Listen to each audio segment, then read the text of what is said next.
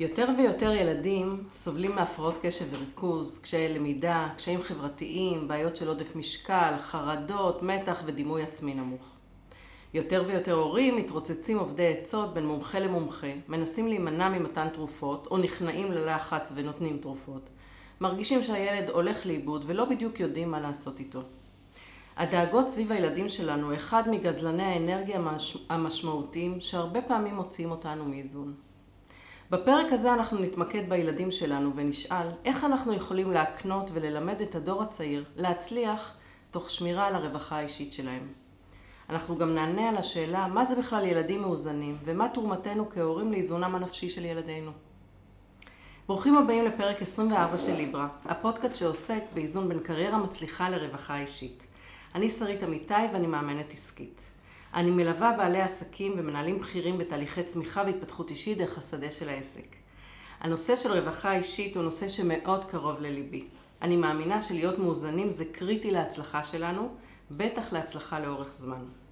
אני מזמינה לפודקאסט אנשים מצליחים מבחינה מקצועית, עסקית ואישית, לשיחה כנה ואמיתית על עצמם, ובכל פעם אנחנו נוגעים בשאלת האיזון דרך נושא אחר מתחום אה, המקצועי שלהם. מוזיקה ומתחילים.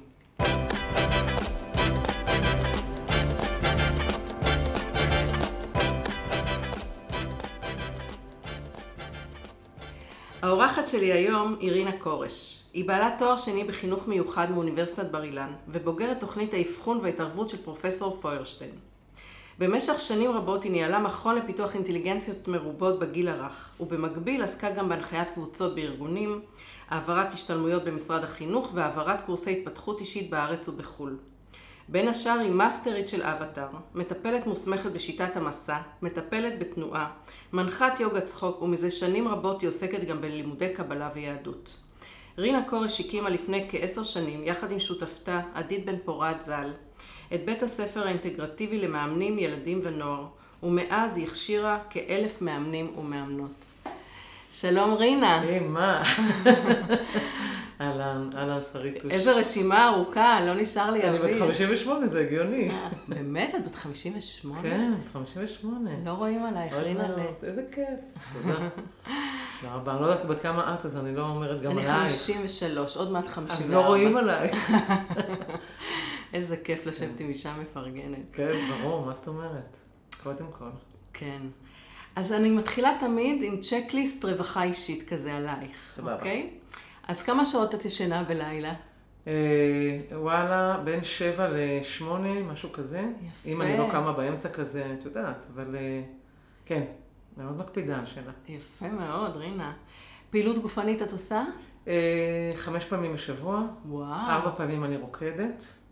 ועושה יוגה, זה בסטודיו כזה יוצא מן הכלל, רבע שעה יוגה, חצי שעה ריקוד חופשי, מסיבת ריקודים בבוקר ועוד רבע שעה יוגה.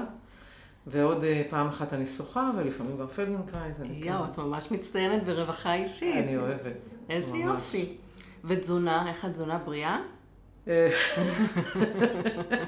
אני לא אספר מה הבאת איתך. לא, לא. יש, מה, יש, יש מה לעבוד פה. דווקא כאן יש מה לעבוד. טוב שיש על מה לעבוד. ברור, ברור, ברור. אוקיי. אין ספק בכלל. זמן איכות עם הבנות שלך? יש לך שלוש בנות, נכון? יש לי שלוש בנות.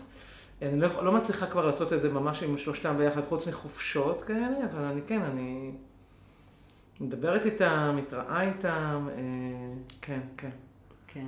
חופשות יש? ברור, לפני שבוע וחצי היינו בים המלח. אה, איזה יופי. מתוכננות ביומן או ספונטניות? אה, החופשות? לא, מתוכננות. הם, אה, יש לי ילדה אחת שהיא פסיכולוגית קלינית בשניידר, יש לי ילדה אחת שלומדת רפואה. בחו"ל, נכון? בחו"ל, עכשיו בארץ, ויש לי ילדה אחת ב-8200, בשנה הרביעית שלה עכשיו. וואו, וואו. אז הן אה, עסוקות, יש להן עולם אה, מלא, כמובן. ולפי החיוך את אימא גאה מאוד. אני מאוד גאה, ואני אוהבת את האישיות שלהם, מעבר לכל התארים והזה, אני גאה ב... באישיות שכל אחת אה, פיתחה, והקווים של הפנימיות שלהם פשוט יוצאות מן הכלל. איזה כיף. ממש. איזה כיף. תגידי, ושעות של פנאי ביומן, יש לך? אה, לא כל כך. אה, אני, בטח לא תשאלי על זה, אבל אני כאילו אה, אה, עשיתי לי יום, בשנה, בשנה האחרונה עשיתי לי יומיים של, אה, אני רציתי נורא נורא ללמוד בישיבה, אבל אין ישיבות לנשים. אז אני אמרתי, אוקיי, אז אני אצור לי ישיבה משלי. רציתי אני... להגיד, תקימי לך. כן, לא, להקים אני לא אקים כרגע, כן, אבל, אה, אבל אני כן ביום ש... בימי שני היה לי קבוצה של טניה בבוקר, לא הזכרת את זה, אה, אני מלמדת חסידות. אז קבוצה אוקיי. של חסידות בבוקר וקבוצה בערב שאני מלמדת. כל היום אה, לימוד של, אה, פשוט נרשמתי לשלושה קורסים אצל רבנים שאני מאוד מאוד מעריכה, ולמדתי דרכם בזום, וביום ראשון הוא יום פתוח, שאני, במשך העשר שנים האחרונות יש לי חברותה שאיתה אני, אנחנו מטפלות זו בזו. אמ-המ. ואחר כך פשוט היום היה פתוח, לפעמים יש supervision בערב או לא, אבל... אז זה השעות בעצם שאני לא כל כך בוהה. אה, אני לא יודעת למה את מתכוונת. לא, פנאי, שאלתי פנאי. אז זהו, הפנאי שלי... אז הפנאי שלך זה למידה. זה, הפנאי שלי הוא למידה. ועבודה רוחנית, נשמע. כן, וגם, לא, אני גם יכולה לראות חתונה ממבט ראשון, אוקיי. וכאילו, אני יכולה, ברור, מה, לא כזאת מוארת, אבל... אה, אבל כן, אני כן חושבת שצריך להיות לז'ר כזה. אני חושבת שצריך להיות אה, אה, מרחב כדי לאפשר לדברים אחרים להיכנס. נכון. אז יש מרחב כזה? יש מרחב. ימי ראשון האלה? אה, ימי ראשון וגם ימי שני. בתקופה הזאת אני פחות... אה, אה, עם מרחב, אבל אה, יש לי גם את התפילה היומית שלי כל בוקר, יש לי טקס שאני קוראת אה, בחומש, בתהילים ובתניא, אני בזמן המקלחת מקשיבה לפרשנויות ובאמת מכניסה את זה פנימה. אני כותבת בפייסבוק, אז אני, כן, כאילו יש, יש הרבה זמני התבוננות במהלך היום. Mm, אוקיי. Mm, okay. ואני רואה גם, את יודעת, את הקסם הזה שככל שיש יותר התבוננות, אז הזמן יותר נפתח. תסבירי, זו נקודה מעניינת. אני חושבת שאני אה, מבינה, אבל אני רוצה שתסביר. כאילו ש... אני חושבת שלאלוהים יש זמן אחר משלנו. אנחנו נפגשים ברגע. Okay. אוקיי. כאילו, אם אני מתמסרת לרגע המסוים, אז אני כאילו הולכת לנצח. אז כאילו, נגיד שעה אחת של חשיבה על משהו, או, או אפילו עשר דקות ממוקדות על להכין נגיד סדרת סרטונים. אני מאוד מאוד מייצרת חומרים כל הזמן. Mm-hmm. אז... אה, אז הנה, למשל, השבוע עשיתי עשרה סרטונים על אה, מה עושים כשהטיפול נתקע, וכאילו אני הולכת לשלוח את זה לכל, לכל מיני מאמנים שרוצים, אה, אז כאילו הייתי חצי שעה עם, עם, עם זה כזה לחשוב עשר דקות, וכאילו כמו לתקשר כזה, במרכאות אני עושה תקשור, כן. לא מתקשרת, אבל זה כאילו באמת להיות באמצע שלי עם התוכן, התוכן יורד, אני מארגנת אותו ואז אני מעבירה אותו, ו, וכאילו מה שלוקח לאנשים הרבה זמן לחשוב, למחוק, ל... אז יש לי את האיכות הזאת שאני יכולה להיות כאן ועכשיו באופן מאוד מאוד מלא, ואז אני יכולה לעשות המון המון דברים mm. ביום שלם. וזה כן. כאילו, אני חושבת, החלונות של הנצח של הקדוש ברוך הוא. ככה זה נראה. חלונות הנצח של הקדוש ברוך הוא. את מבינה את זה. אני מבינה את זה, אני כן. אראה, אני אנסה לשקף לראות שאני מבינה נכון. זאת אומרת כן. שבזכות הרגעים האלה שאת נותנת לעצמך ככה התבוננות ולמידה ומרחבים, את יכולה להיות בזמנים שאת עובדת במקרה הזה, כמו לייזר, מאוד מאוד מכוונת לגמרי, ומדויקת. לגמרי. וזה כמו מימד של זמן אחר. בדיוק. אוקיי. שבעצם, ואז יש איזו תחלופה בנוסחה. בנוסחה. כן. כאילו, אני בסך הכל עובדת, אני עובדת הרבה, יש לי קליניקה, אני שני קורסים של, של האימון, אה, שני קורסים של החסידות, ו, אה, ועכשיו אני גם מנהלת את העסק, כאילו, יש לי עובדים וכן הלאה. אה, אבל למשל, אני הולכת לשחות, אז אני יודעת שאני שוחה 22 אותיות. אני שוחה אהבה וחוזרת לאף אוזן, ואני שוחה בריאות, ואני שוחה בחזרה בטן. אז, אז אני נמצאת, בקיצור, אני מתרווחת יותר ב, ב, ב, ברגעים שאני לא עובדת, ואז ברגעים שאני עובדת, בדיוק כמו שאמרת, אה, המרחב נכנס אליהם. Okay. אוקיי. אז יש משהו שהוא לייזרי כזה, נורא נורא נכון. מקש, מקסים, מקסים. זה נשמע שאת באמת... עושה את האיזון הנכון בין השעות האלה שאנחנו, אני, במהלך הפרקים כן. דיברתי על זה שיש שני כיוונים של עבודה. אחד זה באמת למצוא את הזמנים האלה שמטעינים אותנו באנרגיה, ומה שאת מתארת, התבוננות ולימוד ושחייה וכולי. ויש את הזמנים ש... אנרגיה דולפת ולראות איך עוצרים אותה. נכון. זאת אומרת, איזה מעצורים אנחנו שמים לדליפות האנרגיה. כמו שאמרתי קודם, דאגות עם ילדים זה סוג של דליפה. כן, עבודה פנימית. אז כן. אני... אז זה נשמע שאת עושה הרבה מאוד עבודה פנימית שמטעינה אותך באנרגיה, ואז באימון למשל אני יכולה להגיד שהתוצאות שלנו הן פונקציה של ההוויה שלנו ולא כמות הזמן שאנחנו משקיעים. לגמרי. ועל זה את מדברת, שבהוויה שלך את כל כך מדויקת, כל כך ברגע הזה, שהתוצאות מופקות בקלות ומאוד כן. במהירות. ואם לא, אז אני עובדת עם זה. זאת אומרת, יש לי מספיק כלים בשביל mm, לראות שאני נגיד... אה, אה, מאוד מאוד אה, נבלעת אה, בתוך משהו רגשי, שלא יוצא מזה שום דבר, אבל ברגע שאני קולטת שאני נבלעת במשהו הרגשי הזה, אז אני, אני כן מכניסה את עצמי לאיזשהו תהליך של כמה דקות לפעמים, כדי לנקות את המקום הזה, להתפתח עוד פעם לאינפורמציה. זה לא הולך תמיד נורא נורא קל, אבל אני כבר יכולה להסתכל על החיים הפנימיים שלי מנקודת מבט שמבינה דבר אחד או שניים, נגיד, כן. כאילו איפה נפלתי. את יודעת, אני עוקבת, אה, אמרתי לך בטלפון, אחרי כן. הפוסטים שלך בפייסבוק. כן. את יודעת, הרבה מדברים על זה שפייסבוק זה רק תמונות ורק... אה, החיים אה, היפים. החיים היפים ולה לה לנד, וכל אחד משוויץ עם החול שלו, לא משנה מה שזה יהיה. ואני לא חושבת שזה ככה אגב, אני חושבת שפייסבוק הוא, הוא מיקרוקוסמוס של, של כל מיני דברים כמו שבעולם הרגיל, ואני עוקבת אחרי השיתופים שלך. אני יכולה לדבר על ה... תנסי, יעלו דמעות, אני אבכה קצת, ואז אנחנו נמשיך. אוקיי. אז אה, לאחרונה איבדת את השותפה שלך, את עדית היקרה. כן, אני אבכה יחד איתך, מותק. זה בסדר, בסדר. בפודקאסט שלי מותר לבכות גם. כן, זה, זה... את יודעת שאני עובדת וכשאני... בשביל... בשביל הכלל, אז זה לא יוצא בכי, אבל אה, עכשיו יצא בכי. כי הפוקוס עליי. כן, זה בסדר. אוקיי, זה מקסים. הנה, יש טישו? ברוך השם, הנה, במשרד הזה כן, יש טישו. המטפלת הזה. אז כן. אה, את כותבת המון, משתפת בעצם אה, את הקהל הרחב, את קהל העוקבים שלך, על תהליכי עיבוד האבל שאת נכון, עושה. נכון. אני רוצה לשאול אותך על זה מבחינת ה-well-being. כן. איך זה משפיע לשתף ככה בכאב? זה מה שאני קולטת, תגידי שזה כמו, את בטח תאהבי את הביטוי, נשיאת הפכים.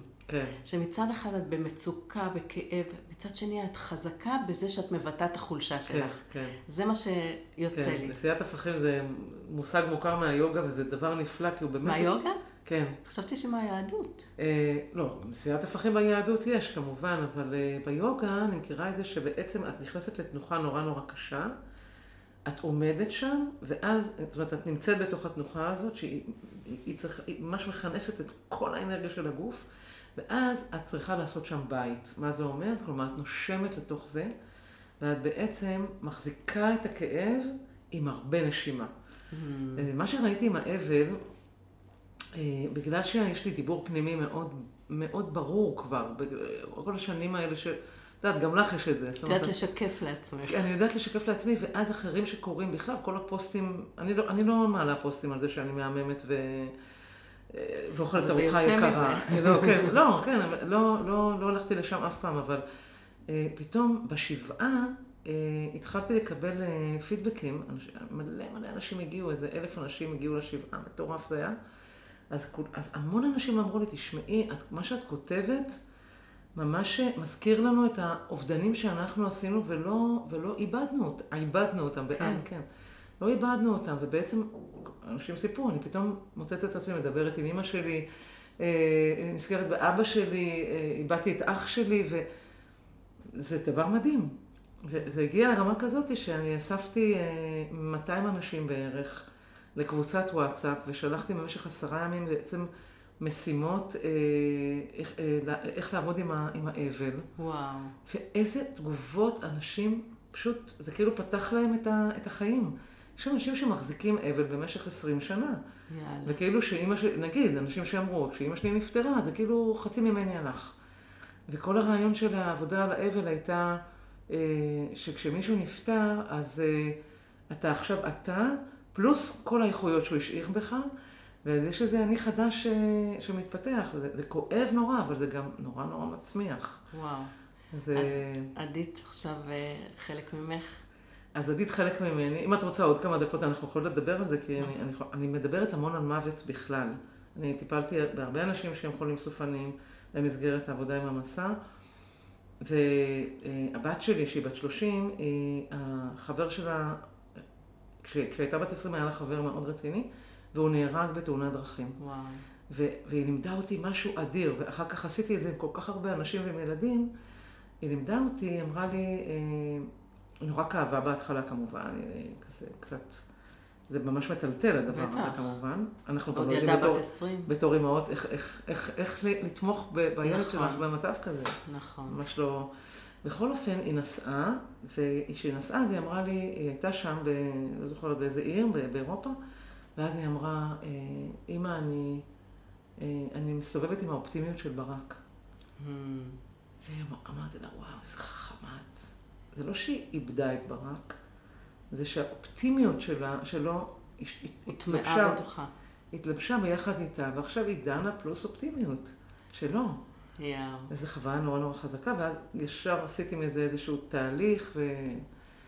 אז אה, גם עם עדית, אני חושבת, אני לקחתי, אה, אני, אני מנס- מנסה לאמץ, כן? זה כזה, שזה יהיה אינטגרציה עם ההוויה שלי, את ההכרה הצלולה שלה Hmm.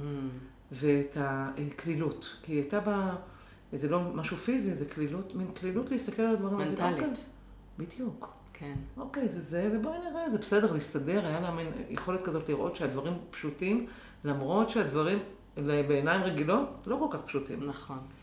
אה, לא אז, אה, אז אני. פשוט מאמצת את, הדבר, את שני הדברים האלה, מקסים. ו, וזה, כן, אז אני בעצם הצעתי את זה גם לאחרים, ו, וזה היה נהדר. כנראה שלא במקרה. היום, אחרי שמונה חודשים, אבא שלי נפטר בינואר. וואו, מה את אומרת? כן, ואחרי, והייתי מאוד מאוד קשורה אליו. וואו. והיום בבוקר אה, שמתי את היוטיוב של ההספד שאני מספידה אותו. אוי. צילמנו את זה. לא יודעת למה דווקא הבוקר, עכשיו ציל- אני אומרת... צילמתם בבית קברות את ההספד כן. שלך? כן. איזה חכמים. אפילו עם מיקרופון כדי שאפשר. יהיה לעלות. בקיצור, את מזכרת מדהימה, וממש התייפחתי עם זה ואמרתי, כן. יא, איזה כיף. סוף סוף הוצאתי את זה קצת. כן. כן, כי... טוב, אנחנו לא נדבר וואו, רק על אבל, כן, אנחנו... לא, אבל אני משתתפת בצערך. אה, שנת תודה, אבל. נכון, וואו. תודה. אבל את יודעת, אבא שלי לימד אותי על אבל. אימא שלי נפטרה לפני 20 שנה, ממחלה קשה. ובמשך שנתיים טיפלנו בה במיוח... בהנהגתו במסירות אין קץ. וכשהיא נפטרה, כמו היינו שלמים עם זה, זאת אומרת, היא גם עשתה תהליך מדהים, רוחני, וככה נפרדנו ממנה בטוב, ו- ואיפה, והיא נפטרה בבית, ולמדתי ממנו שעם כל העצב, אפשר ללוות את זה. כן, ואם עשינו את כל מה ש... ואין רגשות אשמה, כן, ולא כן. סוחבים איתנו כל כן. מיני כאלה, דברים שלא פתחנו או לא ניקינו, כן, אז אפשר להיפרד בטוב. ואותו דבר עם אבא שלי. איזה- פשוט מדהים. נפרדתי ממנו, הוא היה צריך כבר למות, הוא היה נורא חולה, מאוד מבוגר, הוא כבר לא קלט איפה הוא נמצא, הוא רק סבל. שחררתי אותו ממש באהבה, וכל הזיכרונות הטובים נשארו. מהמם. טוב, אנחנו לא, נעבור לנושא. אשרינו, כן. כן. אמ, אז זאת שאלה אחת לצ'קליסט. אנחנו באמצע אה, הצ'קליסט, זה דרך אגב, כן. כן. תחביבים יש לך? חוץ מלמידה ועבודה רוחנית והתפתחות וצמיחה? או שזה התחביב אה, העיקרי? אני רוקדת, אני לומדת. אה, אמ, כן, לא, אני כותבת, הכתיבה, הכתיבה, בהחלט. אה, ספרות, כאילו, אני קוראת הרבה, מקסים. כן. יפה. אני אוהבת שירה, אוהבת שירה? כן. כן? טוב, תזכירי לי בסוף, לתת לך מתנה. טוב. אז תגידי, העובדה שאת כל כך, זה נשמע, את יודעת מה, אני, אני אתן לך ציון אפילו. אני מראיין פה המון אנשים, ואני גם מאמנת אנשים, אז יש לך ציון מאוד מאוד גבוה באיזון הזה, ברמה של אה, תשע וחצי, עשר, כן, באמת. כן. אמרת קצת התזונה עוד צריך לעבוד, אבל בסך הכל נשמע שאת באמת, כן. אה, החיים שלך מאוד מאוזנים. ואת גם, לא דיברנו, את עובדת גם הרבה שעות, יש לך עסק לנהל, יש לך עובדים לנהל וכולי, אנחנו לא הזכרנו יש את לי זה עדיין. שלושה, כן, יש לי, יש לי, אני- כן, אני עובדת. תכף אנחנו נדבר גם על. העסק שלך. עד כמה זה מושפע מהילדות שלך? זה משהו שראית בבית? זה משהו שאת מחייכת כי? אני לא יודעת, זו שאלה נהדרת. אה, ההורים שלי הם אנשים, היו, כן, אבא שלי נפטר בגיל 69 מדום לב בבת אחת. וואו. אה, אנשים קשיי יום, אבל עם אה, אה, מוסר עבודה מאוד מאוד גבוה. והם חלמו כל הזמן ש... אה, שהילדים שלהם יהיו אנשים עצמאיים ומרוויחים וזה, לא בדיוק, אה, ההורים שלי, גם אמא שלי עד היום לא יודעת בדיוק מה אני עושה, היא לא כל כך, את יודעת. עדית הייתה אומרת שבתוך אולם של אה, עשרות אלפי אנשים שהם מאמנים וזה וזה, שיקום מישהו אחד, שאימא שלו יודעת מה הוא עושה. גדול. זה מתאים לעתיד להגיד. נכון, אבל זה כזה, באמת, מה, אתם עושים שם? אה, אז אה, אני חושבת בתור ילדה קטנה, אני אה, הייתי קצת טעונת טיפוח, אני חושבת, קצת... כאילו לא כל כך הבנתי את, ה, את, ה, את התוכן האקדמי. אוקיי. Okay. אבל המילים הטילו עליי ממש קסם, ואת שומעת שיש לי קול כזה קצת רדיופוני, והייתי עומדת בכל הטקסים ו- ומדקלמת, ולא מבינה מה אני מדקלמת, אבל זה פשוט הפנט אותי.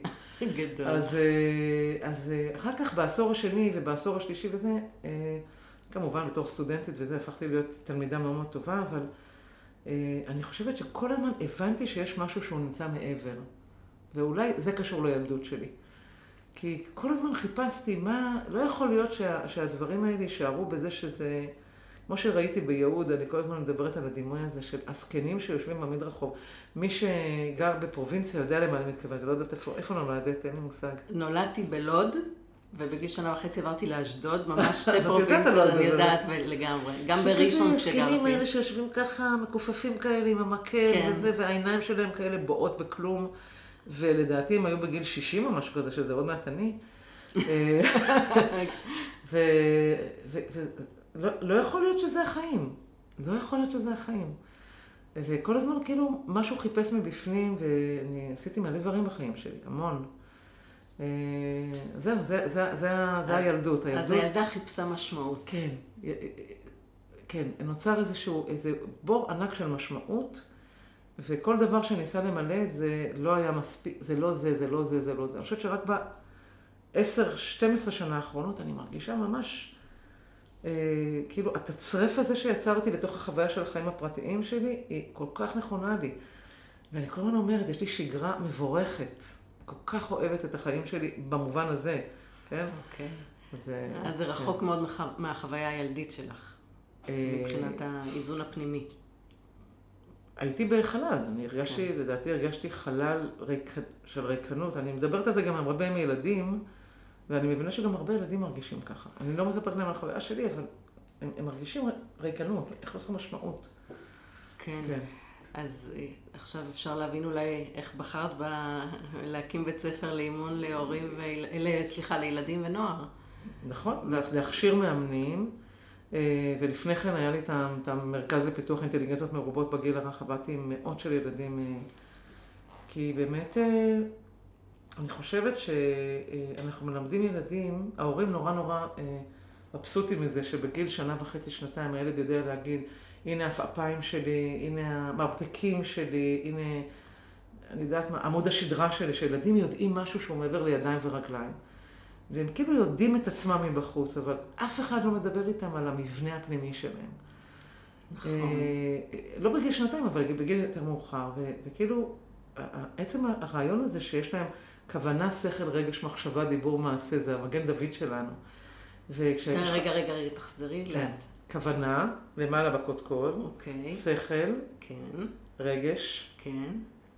זה המשולש העליון, שזה בעצם כן. אה, שלוש, אה, שלוש תכונות בסיסיות, שלושה מסלולים שכל אחד מאיתנו קיבל.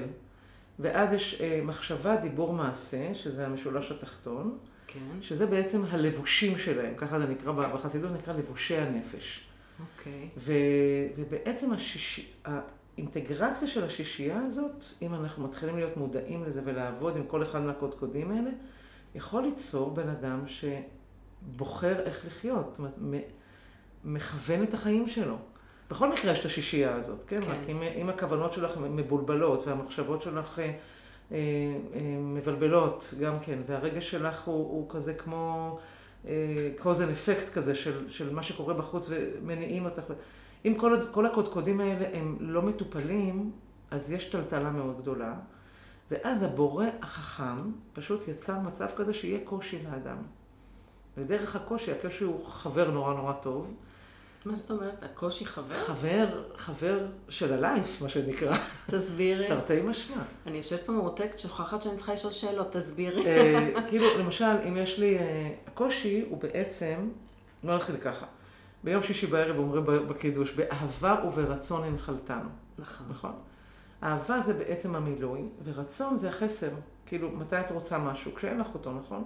אוקיי, נכון. אז בעצם אנחנו בנויים מזה שאנחנו רצון וסיפוק. רצון ומילוי, כאילו נקרא לזה ככה. עכשיו, הרצון שלנו, איך אני אדע מה אני רוצה? חייב להיות דחק. בדיוק.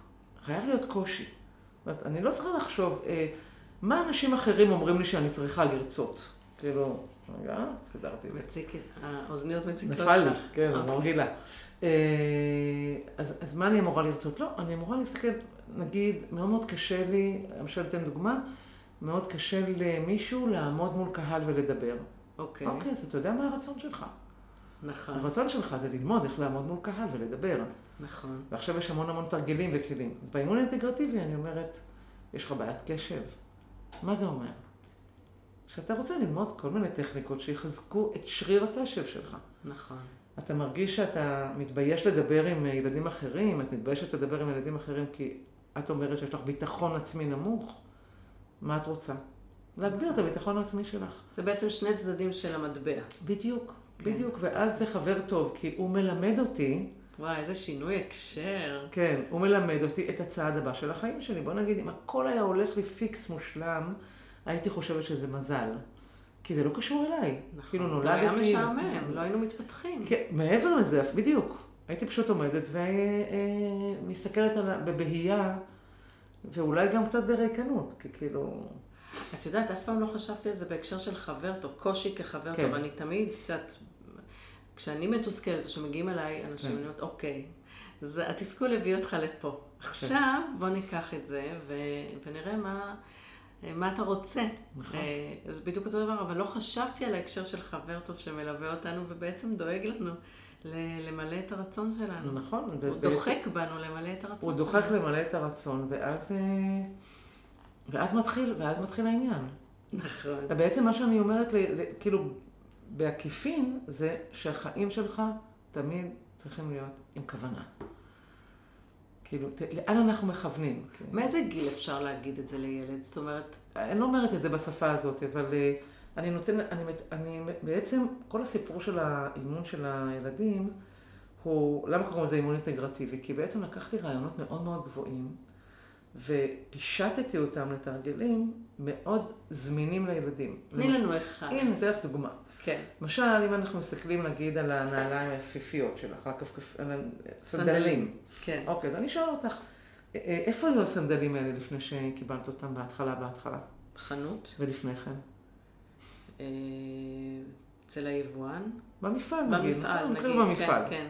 עכשיו, לפני שהם הגיעו למפעל, איפה הם היו? אבל בשלמותם. בדמיון של נכון. של מי? המחוננת, אה? ממש, זה לא קורה. כל כך מהר. כי ילדים אומרים. בטבע וזה וזה, אבל את אומרת בדמיון, בתודעה. של מי? של המעצב. של המעצב, נכון.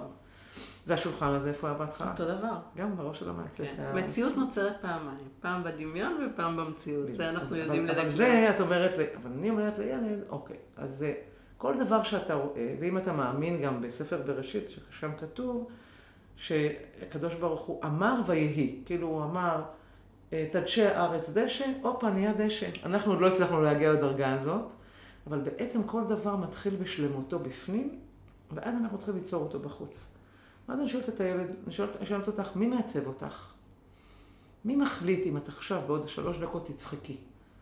אני? אם תחליטי להשקיע במבחן או לא תתחיל, תחליטי להשקיע במבחן. בוא נגיד ככה, יש את המודע ויש את התת-מודע. את אמרת אני, כל כן. הילדים אומרים אני. יש מעט ילדים שאומרים ההורים שלי, ואז אני אומרת להם, רגע, רגע. יש לך אחים? כן. שלושתכם יושבים. אמא שלך אומרת משהו, נכון זה מבין ככה, זה מבין ככה. זאת אומרת, כל אחד מבין שהוא מעצב את עצמו.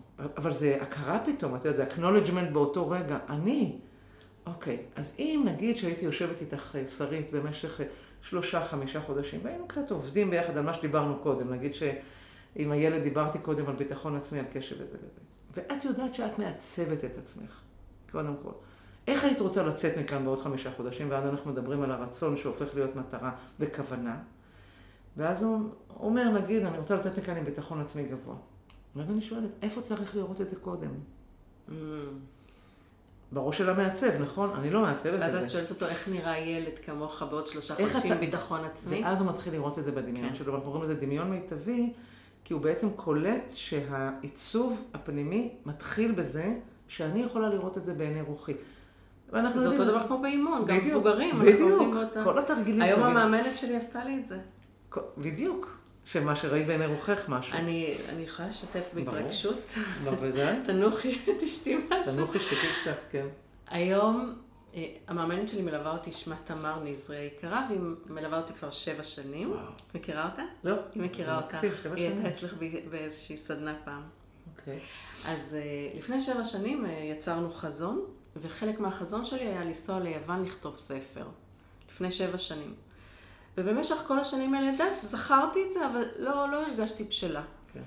ולפני חודש החלטתי שאני מתחילה לכתוב ספר. השנה. וואו, זה יופי. ויצרתי ממש תוכנית עבודה וכולי, והיום באתי ככה עם תובנה ואמרתי לה, גמרתי את השלב הראשון, זה היה לראיין כל מיני אנשים שהוציאו ספרים בשביל ללמוד מהם לפני שאני יוצאת לדרך, ועכשיו אני מרגישה שאני מתעכבת, קבעתי לי שבאוקטובר אני מתחילה ללמוד ב- ב- בימי ראשון, אחר הצהריים, אה, אה, אימון זוגי ו- אה, וגישור, ואמרתי, אני ביום ראשון בבוקר אני אכתוב ספר.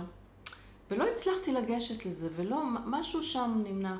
ואז היום לפני האימון אמרתי, יואו, למה אני מתפשרת? החלום היה לכתוב את הספר ביוון. למה ימי ראשון לפני הקורס? כי זה... ואז אה, התחלתי את האימון, ותעזרי לי להגשים את החלום וואו. שבנינו לפ... אוי, בדמיון לפני נפלא. שבע שנים. נפלא. ואני מודיעה לך שאני נוסעת ליוון. לכתוב את הספר. זה, לא- אני רק צריכה לקבוע תאריך. הכל פתאום נפתח, וזה אפשרי. אני ממש, אתה אז יודע, תפסת ממש- אותי באורות אחרי בדיוק זה. אז מרגש. זה עובד על, אצל כולנו, באמת, כשאנחנו רוצים משהו ורואים אותו בדמיון, ממש ברזולוציות הכי... אה, כן, ומשם כן. מתחילים בעצם לעבוד איך נכון. לממש את זה. אבל תחשבי על ילד. איזה תחושה מטורפת זאת. ממש. כי, כי בעצם קיבלת מתנה מהבורא ליצור את החיים שלך. תגידי, הילד את לא אישה. דתית? אני חייבת לשאול אותך. אני לא אישה- אישה דתית, אבל אני עובדת השם. אני, אני באמת עובדת אצל, זאת אומרת, אני לא עובדת אצל בני אדם, אני עובדת אצלו. אה, אני מתכוונת לזה. אני מתכוונת לזה שאני קוראת, אני מתפללת, אני לומדת אה, קבלה ותורת הסוד וחסידות ו... you name it. יש לי כל הזמן קורסים אונליין, אה, יש לי רבנים שאני מדברת איתם, אני מאוד מאוד מאוד... אה, אני שם, אני מלמדת חסידות. אני, יש לי קבוצה אז של נשים ש... אוקיי. זה בעצם... אה, אין הגדרה כזאת אולי, או שאישה מאמינה, עליתי, או... עליתי לתורה כמה פעמים, אה. שרתי. אה, אני אישה מאמינה, אני הולכת בשבת בבוקר בוקר לבית כנסת, אבל אחר כך אני נוסעת אוקיי. לים לפגוש חברה. הגיע אה, הזמן שתימצא הגדרה ל- ל- אה, לדבר הזה, כי גם אני לא לומדת כמוך ולא עד כדי אני כך. קוראת לזה דעתית. איך? ד... דעתית. דעתית? כי זה- ד- דעתית, כי זה כמו, כמו דעת. כאילו, אני מרחיבה את הדעת שלי, דעת השם. דעת אלוהים, כאילו, כן? מקסים. אה, לדרוש אלוהים, אני רואה כאן את הספר של נכון. יאיר כספי, הייתי אצלו שבע שנים אה, בפסיכולוגיה ביהדות, וזה נתן לי מאוד מאוד, זה היה לפני עשרים שנה בערך, לגיטימציה לחקור את הקשר שלי עם הקדוש ברוך הוא, אה, מעבר למה אומרים לי לעשות. ו... כן. אז אני באמת אה, מברכת לפני אוכל, לפני מים, אחרי שירותים, אה, אני מאוד בתוך זה. אבל אה, זהו, זה הדרך. כן. כאילו, את יודעת איך אני ככה התחברתי לעולם היהודי? למדתי באימושן, ובאימושן הבסיס נכון. התיאורטי זה בודהיזם. נכון. וכל מה שלמדנו, אמרתי, אני שמעתי את זה בבית. כן, עכשיו, מדהים. בבית, אבא שלי היה אפיקורס, ואימא שלי, זיכרונם לברכה, הייתה אישה דתית. זאת אומרת, היא באה מבית דתי. וואו. היא חזרה בשאלה, חצי חזרה, חיה יותר כחילונית, אבל הייתה אישה מאמינה, שמרנו גם על מסורת, ופתאום בקורס שמעתי את השפה שלה, את ההוויה שלה, את הערכים שלה שהקנתה, ואמרתי, אז יש הכל גם ביהדות, כל מה שאני לומדת, יש הכל ביהדות. ואז הלכתי ככה וקצת אה, התקרבתי. אפרופו בודהיזם, אה, אני הרי מאסטרית של אבטאר.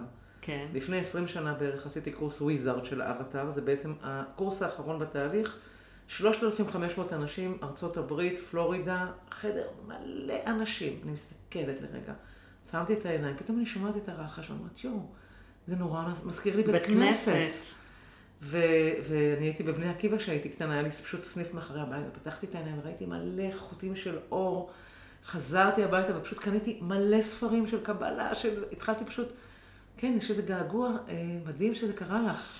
כן. הגעגוע. נכון, ממש. זה כל כך כיף לדעת והייתי שזה בכלל נכתב בת של לפני. אבא, ואז גיליתי שאני בכלל אה, בת של אימא, ועשיתי שלום ביניהם, למרות. שהם היו בשלום מאוד. וואו. טוב, בואי נתקדם. יאללה, יאללה. אנחנו יכולות נראה לי להפליג פה ל... אז תגידי, אומרים שהדור שלנו זה דור של מסכים, של הילדים שלנו, כן? כן. דור של מסכים, שהוא חי ברשתות החברתיות. מה ההבדל בין להיות ילד בדור שלנו, שלנו אנחנו, בבנות אה, החמישימים, לבין הילדים של היום? אה, בתור וואו, מישהי ש- יש מלא מלא הבדלים. קודם כל, בוא נדבר על המודעות הקולקטיבית, היא, היא, היא עשתה שיפט מאוד מאוד גדול. תסבירי. כי כשאני הייתי ילדה קטנה, בכלל לא היה... אימא שלי לא שאלה את עצמה מי היא, ומה היא רוצה להיות, ואיך היא רוצה להיות, וזה היה פשוט הישרדותי כזה. נכון. גם האנשים ש... גם האנשים האינטליגנטים נגיד, אה, לא אינטליגנטים אלא אקדמיים, אקדמאים נגיד, עורכי דין של אז, לא שאלו את עצמם מי הם. היה כזה מין בהירות כזאת שאתה לומד משהו ואתה עובד בזה. נכון. אז, אז תחשבי איזה, איזה השלכות, כשהיא מסתכלת עליי, אם אני אה, רוקדת יותר מדי, אז היא עוצרת אותי כי אני צריכה לשבת ללמוד. אם אני נכשלת, אז היא נבהלת כי אני לא אצליח בחיים, כי... בעצם אין, אין הרבה מודעות עצמית. כן. לילדים של היום יש פי מיליון יותר מודעות עצמית, אבל הם... אה, אה, אבל פעם... אבל עכשיו אני אגיד את ה... זה, זה ההבדל לטובה. אוקיי. אפשר לעבוד איתם כמו ספוג, הם מבינים לעומק דברים. נורא חכמים באמת, אפשר לדבר איתם הם יכולים בגובה לדבר על העיניים. המחשבות שלהם, הם יכולים, יש להם את ה... יש להם, יש להם את היכולת הזאת של התבוננות פנימה. יש להם את זה. אוקיי. לוקח קצת, נגיד פעם, פעמיים, שלוש, אבל הם מתחילים להיכנס פנימה, זה קל. אה, מצד שני, לנו היה אה, איזשהו maintenance כזה, יכולת, יכולת לשאת סבל, לשאת קושי. והם אה, הם, הם לא יכולים לשאת קושי לשנייה. כלומר, מה זה לשאת קושי? לשאת זה שאם יש תסכול. כאן טקסט, אוקיי, אני רואה פה טקסט של אה, יעל קל הומור. מהממת, ואני לא, אני לא, לא רואה מרחוק, אני צריכה קצת להתקרב, ואולי אני אקרא את הטקסט ואני לא אבין אותו עד הסוף, אז אני קצת אקרא עוד פעם וזה. הם מעבירים את זה עם האצבע. זאת אומרת, אין, מה זה אומר? זה אומר שהרבה הרבה מבנים מנטליים עמוקים לא מתפתחים. Mm. אז יכול להיות שהם ילמדו אה, לעשות אה, משחקי מחשב מאוד, מאוד משוכללים ומהירים, אבל אין להם את הקפסיטי באמת ל, ל, ל, להתפתח, להתפתח התפתחות אה, נפשית, אה, רוחנית, אה, אישיותית, אלא אם כן עושים איזו התערבות. כן. יש מלא ילדים בגיל 16-17 שאני רואה אותם מגיעים חיוורים, שמנמנים, אבל לא במובן, לא שאין לי בעיה עם שמנמנות כמובן, ברור. לא לבנות ולא לבנים, אבל שלא זה- זזים. זה שלא זזים, ושהם חיוורים ממש ממש, ואימהות אומרות לי, אם אני לא אחתוך להם תפוח ואשים את זה ליד המחשב, אז הם, הם הרי, מה זה להיות מכור למחשב? זה אומר שאתה לא מחובר לגוף שלך. כן. וכשאתה לא מחובר לגוף שלך, אתה לא מרגיש את הצרכים שלך. ו... וזה זה עד ארבע לפנות בוקר. ו... אז יש משהו מאוד מאוד מנותק, ואני חושבת שגם ה... המלחמה של המודעות נעשית בתוך התודעה עכשיו של בני האדם. זאת אומרת, אה, אפשר ליצור, אני אומרת, זה חס וחלילה, אבל אפשר לעשות את זה. ליצור צבא שלם של אנשים שילכו, כמו, את זוכרת את הסרט של, אה, של פינק פלויד, על הילדים האלה שנכנסים למטחנת אה, בשר, כן. אז זה בתוך טענו את זה. החומה זה היה, לא? נכון, טענו את זה בשביל החינוך. כן. היום אני חושבת שנגיד כמה פריקים של מחשב יכולים ליצור משחקים כן, כל הגיימינג הזה הוא מטורף. שישעה אותם שם, הם פשוט חיים בעולם וירטואלי. היה לי לפני כמה זמן בחור בן 25, שהוא עובד באיזו עבודה סתמית, כזה מהבוקר עד אחרי צהריים, כל הזמן אה, שומע מוזיקה, טכנו וזה וזה באוזניות, חוזר הביתה, ומהרגע שהוא מתחיל, לא מעניין אותו זוגיות, לא מעניין אותו להתפתח, לא מעניין אותו כלום. רק פשוט המשחק. מס, משחק, ויש לו משחקים, והם כמה חבר'ה כאלה. הוא לא, רואה, הוא לא ראה אותם פיזית אף פעם, כי אחד יושב בברזיל, אחד יושב... יש מלא מלא מלא קבוצות של אנשים כאלה שהם פשוט לא חיים בעולם. הוא כאילו... מדהים. תגידי, יש הבדל בין בנים לבנות? נראה לי שבנים קצת יותר בקטע של הגיימינג, לא? מבחינת המחשבים אני חושבת שבנים יותר משחקים ובנות אה, פחות. אה, אבל, אה, אבל יש, יש בעיות נוספות, יש הרבה אלימות בדור הזה, אני חושבת שיותר מאשר אצלנו, אני חושבת ככה. כל הרשתות מאפשרות יותר אלימות. שיימינג, כל הדבר הזה שהיה פחות אצלנו. אני חושבת יש איזו תביעה נורא נורא גדולה של מה זה הדבר הנכון, שאצלנו לא כל כך היה. תסבירי. כאילו ילדה בת 16 יכולה להרגיש גרוע, גרוע, גרוע עם עצמה, כי אין לה רווח בירכיים, כמו שהיא רואה אצל זאת עם הטלוויזיה וזאת עם... כאילו יש איזה... סטנדרט כזה, כן, חיצוני. אז אצלנו אנחנו לא, לא היה לנו טלפוני ולא היה לנו... אז בסדר, אז מישהי שעשתה קצת דיאטה, את יודעת, כי הרגישה קצת שמנמונת, או מישהו שגם כן לא היה כזה כושר בשביל... תרבות הגוף ותרבות החומר, וכל הדבר הזה קצת סאב את, ה, את הילדים. Mm-hmm. אבל מצד שני, שלישי, אה, הם מחפשים משמעות, אז זה, זה דבר ענק. כן, ואכפת להם גם מה, מהעולם, נכון? זה כן, כן, יש ילדים שהם כזה אינדיגו, את יודעת, יש דור כזה של אינדיגו וקריסטל. מדברים על זה, ילדי קריסטל וילדי אינדיגו, שהם בעצם, אה, יש להם המון חמלה כלפי אחרים. משהו יוצא מהם שהוא והם לא רוצים ללכת לפי הריבועים של, של, של המסגרות הרגילות. אז מצד אחד אלימות, מצד שני חמלה. זה בקצוות. כן, אבל זה לא, זה לא חייב להיות באותו ילד, אבל כן, יש את זה. יש, יש להם מלחמות אחרות, בקיצור, יש להם מאבקים אחרים, פנימיים וחיצוניים. זה, המודעות השתנתה, העולם משתנה. ממש. אז תגידי, מה, מה מבחינתך, כאשת מקצוע, מה, מה נחשב ילד מאוזן היום? דיברת קודם על קודקודים, אז זה נשמע ש... ילד מאוזן, את יודעת מה, אני, אני אשתמש במושג שאני משתמשת בו הרבה, פרח החיים. אוקיי. Okay. שבעצם אני, אני אומרת, גם לילדים, אבל גם למאמנים שלנו, שצריך אה, להיות, כאילו אם אתה באמצע, יש אני באמצע, אז יש לך כל מיני... מקומות שאליהם אתה מחובר, עלי כותרת, אני עושה לכם אצבעות, כן. אבל הם לא... זהו, רציתי להגיד למאזינים כן. שרינה מציירת עיגול באמצע ומסביב עלי כותרת, כן, כן כמו פרח. אז אה, עלי כותרת אחד זה אני והמשפחה שלי. כן. אז זה ילד שיש לו איזשהו חיבור סביר עם האחים שלו ועם ההורים שלו. מה זה סביר? שהם אוכלים לפעמים ביחד, שהם מדברים, שההורים קצת יודעים מה קורה בעולם שלו, שהרבה ילדים שסגורים היום בתוך החדר שלהם וההורים לא יכולים להיכנס והם לא יודעים כלום. אז זה למשל דוגמה. לשמוע את זה אפילו, כן. וואו. עלי כותרת שני זה אני והחברים שלי. אז שיש איזה חבר או שניים, שאתה הולך אליו, את הולכת אליו, אתה הולך אליו, אתם חווים דברים ביחד, אתם... אה, משתפים אחד את השני בעולם שלכם. אתם uh, מעמיקים במשהו ביחד. זה לא שאתם יושבים שניכם, כל אחד עם הפלאפון שלו, ו- ו- ולא מדברים אחד עם השני. כן.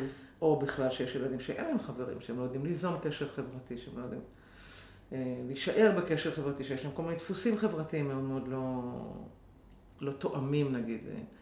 Uh, עוד אלה כותרת אחת, שיש לך איזה עולם שלך, פנימי משלך. אתה אוהב לצייר, אתה, אתה משחק כדורגל, אתה אוהב לרקוד, אתה... יש איזה מקום כזה שאתה מבטא את עצמך יצירתית. אה, אה, הלימודים כמובן, העולם של ה... כאילו תלמיד סביר, יש לך כמה חברים, יש לך איזה חוג צופים, אה, עניין העומק, יש לך קשר עם המשפחה שלך, ואתה בסך הכל ילד נינוח. אני אפילו לא אומרת שמח כבר, כי אני, אני, אני רואה שגם בני אדם, הם לא מציבים להם את זה כ, כאתגר, כ, כמטרה. להיות שמח. כן. אז גם ילדים לא כל כך רגילים להציב את זה כמטרה. בעיניי זה, זה המדד הקובע. נכון, זו מטרה נורא נורא גדולה, פשוט להיות כן. שמח, לעשות את הכל, אבל מתוך מרחב יותר. שמח, יותר רגוע, יותר נינוח. אוקיי. יפה, אז הדימוי הזה של הפרח, כן. כשאנחנו מסתכלים על זה ככה עלה עלה, אה, כן, עלה עלה. עלה כותרת כזה, עלה כן. כותרת, אה, זה ילד אה, מאוזן. את יודעת, שני דברים עכשיו, כשהתכוננתי לשיחה, אמרתי, שני דברים מרכזיים עכשיו. יש את אוגוסט, חופש הגדול, ואני שומעת מלא הורים מקטרים, שהילדים כל ה... הפכו יום ולילה, נכון. מגיל מאוד צעיר עד נכון. בטח בגיל ההתבגרות.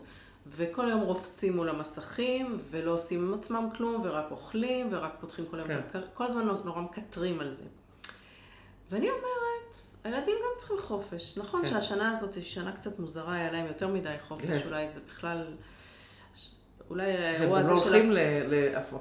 כן, אבל מה את אומרת? ילדים צריכים גם... מה את אומרת להורים שרואים את הילדים שלהם ככה, והם די חסרי אונים מולם? אני חושבת שזה מתחיל צ... צעד אחד או שניים לפני כן בקשר. אוקיי. אני חושבת שהדבר המרכזי שהורה אה, צריך לטפח, אה, אם אנחנו רגע נלך לחסידות, אז אה, אה, הדבר, יש להורים תפקיד. זה לא רק תפקיד פיזי. יש להם תפקיד אה, לאפשר לילד מרחב שהוא יגלה בו את עצמו. אוקיי. עכשיו, אם אתה יושב מול הטלוויזיה כל היום, זה לא באמת חופש. זה לא, זה לא באמת שאתה אה, מגלה את עצמך. זה, זה בטלה. נכון. כן, כאילו, כמו שאומרים בידור, מה זה בידור? מה זה שמתבדר לה שיער? שהיא מפזרת את השיער שלה. בידור זה פיזור, אתה הולך לאיבוד. אוקיי. אם אתה אה, במשך החופש הזה, אה, לא יודעת מה, בונה אה, חמישה זוגות אה, אופניים, אה, מ, מ, מ, לא יודעת ממה. בוחר. משהו שמעניין אותך להתעסק בו. עוסק במשהו. אוקיי. מעמיק במשהו, מייצר משהו, מוצא משהו שאתה מתחבר אליו ושווה לך שעות להיות איתו, אבל שהוא קשור למשהו פנימי אצלך, וזה לא סתם מסמא אותך. אז בעיניי זה דבר מופלא שיהיה דבר כזה. נכון, אבל... אז הייתה לי חברה שאמרה לילדים שלה, כן. אה, כל יום שהם חייבים חצי שעה להשתעמם. כי השעמום זה בעצם פתח לכניסה של משהו אחר. אז אה, אין, אין, לא משחקים ולא פלאפונים ולא זה. תשכב במיטה, אם תרדם, תרדם, אבל אם לא, פשוט תבהה ותראה מה קורה. מקסים. אתה ממציא משחקים, אתה... אתה, אתה, אתה מדמיין. אתה מוצא משהו. כן. כן, מתחבר פנימה, כאילו, כן. אבל כאילו יש שני קצוות. או שההורים אומרים, טוב, אני אכנה לזה, אין לי בלאו הכי השפעה כן. על הילד, טוב, חופש גדול, זה ייגמר יום אחד, אני אבלע את זה. כן. או שהם אה, אה, מבקרים אותם. כן. ו, ותעשה עם עצמך משהו, נו, תקום כבר, אני לא יכולה לראות אותך נמרח כן. ככה, וכזה. תראי, קצת... זה, זה, בטיפים החיצוניים אפשר להגיד, אה, תציעו להם משהו, כי הם לא יודעים מה לעשות עם עצמם, כי אין להם מושג מה לעשות עם עצמם.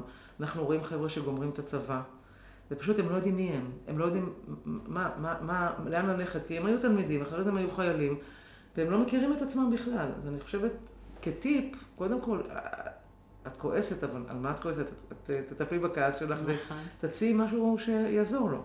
אבל אם אנחנו הולכים לנקודת מבט יותר רחבה, אז אפשר להגיד שצריך להיות איזשהו סוג של חזון הורי. את יודעת, אפרופו דוסים, זוג שלפני שהוא, שהוא עושה דייטים של דוסים, כן. הם שואלים אחד את השני המון המון נכון, שאלות, כמו שאנחנו נכון, יושבות כאן ביחד.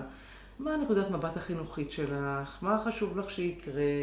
באיזה זה, ו- וכאילו אנחנו... תלכי מטפחת, לא תלכי מטפחת. אנחנו כאילו בונים ביחד איזשהו setting שאליו אנחנו מכניסים את הקן הזה של הילדים שלנו. אני חושבת שכמעט אין חזון הורי, כלומר, למה את רוצה...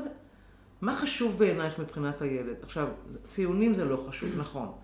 ולימודים זה לא חשוב, נכון. העיקר שיהיה מאושר, אבל איך הוא יהיה מאושר?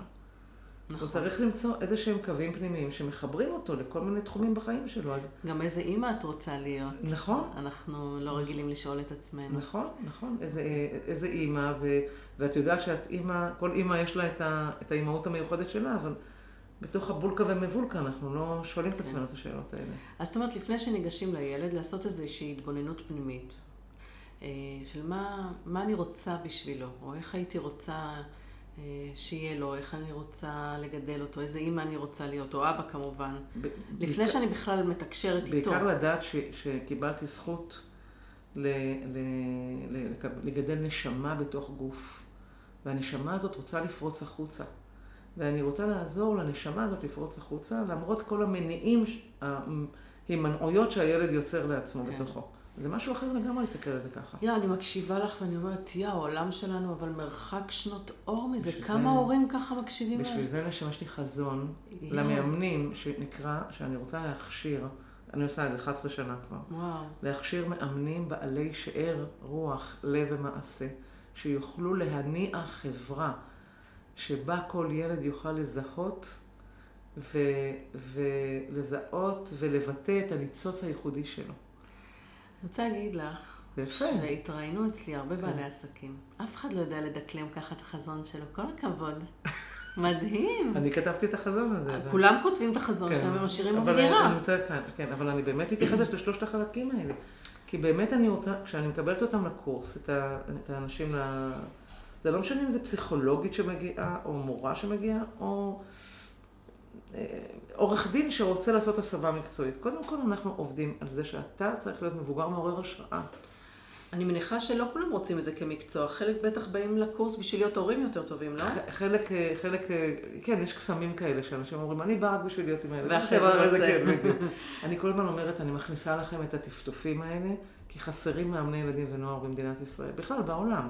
נכון. חסרים, חסרים עם הנקודת מבט הזאת, אני מתכוונת, סליחה בעד ההשווצה, תשוויצי, אבל זה לא אותו דבר לאמן, שאני מכשירה מאמנים לעבוד עם ילדים עם הפרעות קשב וריכוז, ואז עובדים איתם רק על הפרעות קשב וריכוז, כמו ההבדל בין רופא, אף אוזן גרון, לבין אה, מישהו שהוא מאופת, אז הוא מסתכל על כל המערכת. נכון. אז הילד אצלי הוא לא ADHD. זה ילד שאני מדברת איתו, יש לו מולו. רצונות, ויש לו מטרות, והוא מתפעל מהכלים האלה, כמו עם הנעל, יש כמובן עוד מיליון כלים, אבל הוא מתפעל מזה, והוא, והוא מגלה את עצמו, ו- ושווה לו לחיות, כאילו, זה לא בשביל אימא, ולא בשביל המורה, ולא בשביל החברה. זה כי, כי יש בפנים משהו שאני רוצה להוציא, זה הסיפוק הכי גדול, פשוט להרגיש מבפנים שאני מממש את עצמי, נקרא לזה ככה. מקסים. תגידי, המאמנים ש, שבוגרים של הקורס שלך, הם גם בתהליך נפגשים גם עם ההורים? הם עושים גם איזושהי הדרכה להורים, או שהם עובדים רק עם הילד? הם עובדים רק עם הילד, מפני שאני חושבת, אני שמה את כל הפוקוס על, על לעבוד אה, באופן אה, ישיר עם התודעה של הילד, ושהילד בעצם יגלה את עצמו, ואז בעצם יממש את עצמו. אה, כי אני אומרת, לא אם ולא אב מסוגלים לעשות את הטוב, שיכולה לעשות תודעה מכוונת לדרך הנכונה. כי דקלמתי עכשיו איזה פתגם של מישהו. כלומר, אמא יכולה להגיד עד מחר לילד שלה, אתה יפה, אתה חכם, אתה מוכשר, את נהדרת וזה, אבל הילדה תגיד, אבל את אומרת את זה כי את אימא שלי ואני לא מרגישה את זה. כן. אז אני רוצה לעזור לילדה להרגיש את זה. כאילו לעבוד עם הרגשות שלה ועם המחשבות שלה. However, אם יש, אה, אם יש אה, עניינים עם ההורים והם לא תמיד אה, בתיאום עם המטרה של הילד וכן הלאה, אז יש לנו כל מיני כלים שאנחנו עובדים איתם. אחד הכלים נקרא נגיד תהליך מאורות, שאני מלמדת את המאמנים שלנו, שהוא, שהוא כאילו אה, אה, מהבעל שם טוב כזה, הרעיון שהילדים, הקשיים של הילדים שלי הם השתקפות של קושי שלי שאני לא הצלחתי לפתור אותו. נכון. ואז בעצם יצרנו איזשהו תהליך של איזה חצי שעה עבודה. של קודם כל הזדהות עם הילד, ואז, אה, ואז לראות איפה זה נמצא בחיים שלי, ואז ריפוי של עצמי, ואז הילד לא חייב להחזיק את הקושי הזה יותר. כאילו הילד מחזיק את הקושי שלו מולי כדי שאני אעשה משהו עם זה. כן. אז זה משהו שאנחנו יכולים לעשות, ואז המאמנים יכולים להציע את זה להורים. ואני, ואנחנו מדברים קצת על, אה, על, אה, על איך לדבר עם ההורים, אבל עדי, זיכרונה לברכה, יצרה קורס אה, להכשרת הורים, להכשרת מאמנים, ש... להורים מעוררי השראה. הדרכת, הדרכת הורים, כן. ואני ממש בימים האלה מנסה אה, להפוך את זה למוצר. שימכר למאמנים שלנו. זאת אומרת, היא גם עבדה עם הכלים של האמון אינטגרטיבי, אבל כדי כאילו לפתוח להם צוהר קצת יותר גדול בקשר, בקשר שלהם עם ההורים. את יודעת, זה הרי מטורף שאת המקצוע הכי חשוב בחיים, אף אחד לא מלמד אותנו. לגמרי, אני כל כך מסכימה עם זה. זה, זה, זה, זה מעבר לזה, זאת אומרת, איך ילד, איך ילד, יש, יש לנו מאמנות שסיימו את ההכשרה, והם יצרו אה, תוכניות בבתי ספר. מקסים. ואז הם לקחו כל מיני מאמנות שלנו, והם פשוט הכשירו אותם לעבוד בבתי הספר. והן מתארות שילדים בכיתה ג', ד', ה', מנצנצות להם העיניים מה, מהאפשרות, מהאפשרות שניתנת להם, שאף אחד לא מאבחן אותם ואף אחד לא אומר להם מה הם. כאילו זה גם הזוי, תחשבי על זה שאני אגיד לך מי את. תחשבי שאת ילדה ואני אומרת לך לפי מה שאני רואה. זה מה שרוב ההורים עושים, סליחה. כן. גם אם הם רוצים להחמיא, הם לא עושים את זה טוב. כן. אז... את יפה, אלף פעמים יפה. מה, לא, מה, לא, מה אבל אפילו מאבחנת, אני, אני עזבתי את האבחון בגלל זה. כן, זה בכלל נורא ואיום. את יודעת, זה לשים תגיות. חייבת לספר לך שילד אחד אמר לי משהו, הוא היה פעם אחת אצלי, ואז הוא גמר את השעה, ואז הוא אמר לי, למה את לא כותבת? אז אמרתי לו, אני לא כותבת, אני מדברת איתך. אז הוא אומר, אז שאלתי אותו, למה אתה שואל? אז הוא אמר, מי שהייתי אצלו לפני כן, הוא כתב את הכל. הכל הוא כתב, ואז אני אמרתי לו, אז מה, איזה השפעה הייתה לזה? אז הוא אמר, בשבוע שאחרי זה, הוא היה מדבר אל הילד שנמצא בתוך הדף שלו.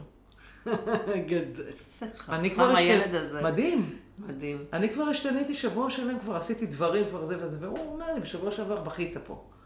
יאללה. אז כאילו, אז, זה כאילו כמו, באמת מעורר השראה, מבוגר מעורר השראה להיות אופן ל, ל, לרגע הזה, להיות, להיות מתואם ולנהל שיחה טובה, ומתוך השיחה למצוא את התרגיל המתאים, ואז לשלב את התרגיל בתוך היבשת של הילד, כאילו, שהוא ייקח אותה, את התרגיל היום-יום שלו.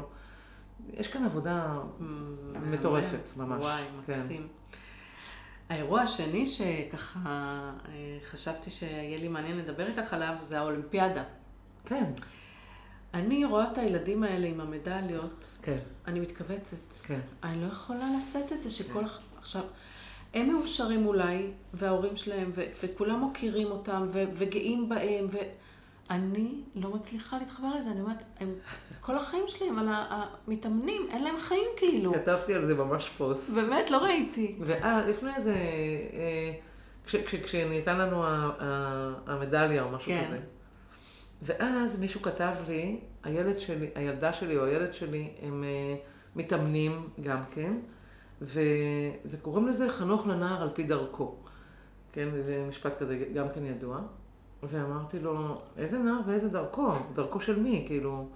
אז הוא אמר, הילד שלי רצה את זה מאז שהוא היה קטן. אז אני, ולכן אני, התשובה שלי היא מתחלקת לשתיים. אוקיי. אה, אם, אם יש אה, רצון עמוק של הילד, משיכה מאוד מאוד גדולה, צריך לעזור לו ליצור איזון בחיים שלו, יחד עם, ה, עם השגשוג של זה. זה נראה לך שאפשרי? אני לא יודעת. אני מדברת איתך על מקצוענות. אני אוקיי? באמת לא יודעת להגיד לך. הבת שלי אה, אה, הייתה חמש פעמים בשבוע, אה, רקדה. כן, בסדר? היא באמת. רצתה את זה. רצתה את זה כן, כמובן, אני, הבת אחרי, ה- אחרי הלימודים, הלכה לרקוד חמש פעמים בשבוע, אבל היו לה חברות. היו לה. והיא עשתה שיעורים. מצוין, כן, הנה. וכאילו, זה, זה, זה נשמע לי מאוזן, אבל הם... איפה האוכל שהם אוכלים הרי בצורה תראי, מאוד מאוד... בהכללה אפשר להגיד זה מסוכן, אבל בפרטים, למשל, הרי הייתה את אה, אה, אה, בייליס שעשתה כן, הרבה... שנשרה בגלל ה- בגלל שהרגישה סטרס יותר מדי כן, גדול. והיא, והיא, כמה, כמה נכתב ודובר עליה, איזה השראה היא נתנה אז- לה, אז ברור. לקול הזה של הילד שאומר, אני חושבת שצריכה להיות הקשבה אה, של, של ההורים וגם הנחיה של ההורים שיש לך חיים. החיים שלך זה לא one trick pony, רק זה שאתה עושה אקרובטיקה ויורדת מהאקרובטיקה. יש לך חיים מלאים, יש לך את חיי הלימוד, יש לך את, כמו שאמרנו קודם, את פרק כן. חיים. מצד שני, אה, למשל, אני, למחרי הבית שלי, אה, אה, יש, יש מישהו שקוראים לו שוקי נגר, אולי את לא יודעת, הוא שחקן כדורגל, גם אני לא ידעתי, לא. סליחה, על אבל. לא, בסדר, לא ידעתי גם כן, אבל מסתבר שהוא שחקן כדורגל והוא מאמן כדורגל. ויום אחד אני הולכת עם הכלב שלי, זה היה לפני כמה שנים, ואת יודעת, זה ירד לי האסימון כזה. הוא שיחק עם הילד שלו בכדור, הילד היה בן שלוש. הוא זרק לו כדור, והילד נגח בכדור. עכשיו, הוא זרק לו ממרחקים, והילד פשוט, הסתכלתי על הדבר הזה כמו תופ... מה, לא יכול להיות דבר כזה. הוא כאילו נולד להיות שחקן כדורגל, הילד הזה. אז אני חושבת, אם לוקחים את הילד הזה ובעצם אה, אה, קצת קצת מנווטים אותו לזה שיהיה לו גם קצת חברים וזה, אבל יש משהו ב, באנרגיה שרוצה ללכת לשם, אז לא לעצור את זה, אבל זה, זה די מעט. אז לשים לב של מי הרצון, קודם בדיוק. כל, ושזה באמת הרצון של נכון. הילד. וכן, כהורה תפקידנו, את אומרת, לתת לו להגשים את הרצון, אבל לעזור לו גם לאזן את זה, וזה שזה לא לדעתי יהיה מעט רצוני. אנשים. אני לא חושבת שזה הרבה אנשים. זה כמו לומדי ישיבות. כמו שבן גוריון התכוון, שיש מעט כאלה שהם באמת, באמת תורתם אומנותם, שכשהם לומדים, הם מכניסים אורות לעולם. לא כולם כאלה. כן, לא כל נכון. לומדים כאלה, אה, אז אני חושבת אותו דבר גם פה. כשאתה הולך לקצה, אתה צריך לראות שזה באמת מחובר לרצון של הילד. כן.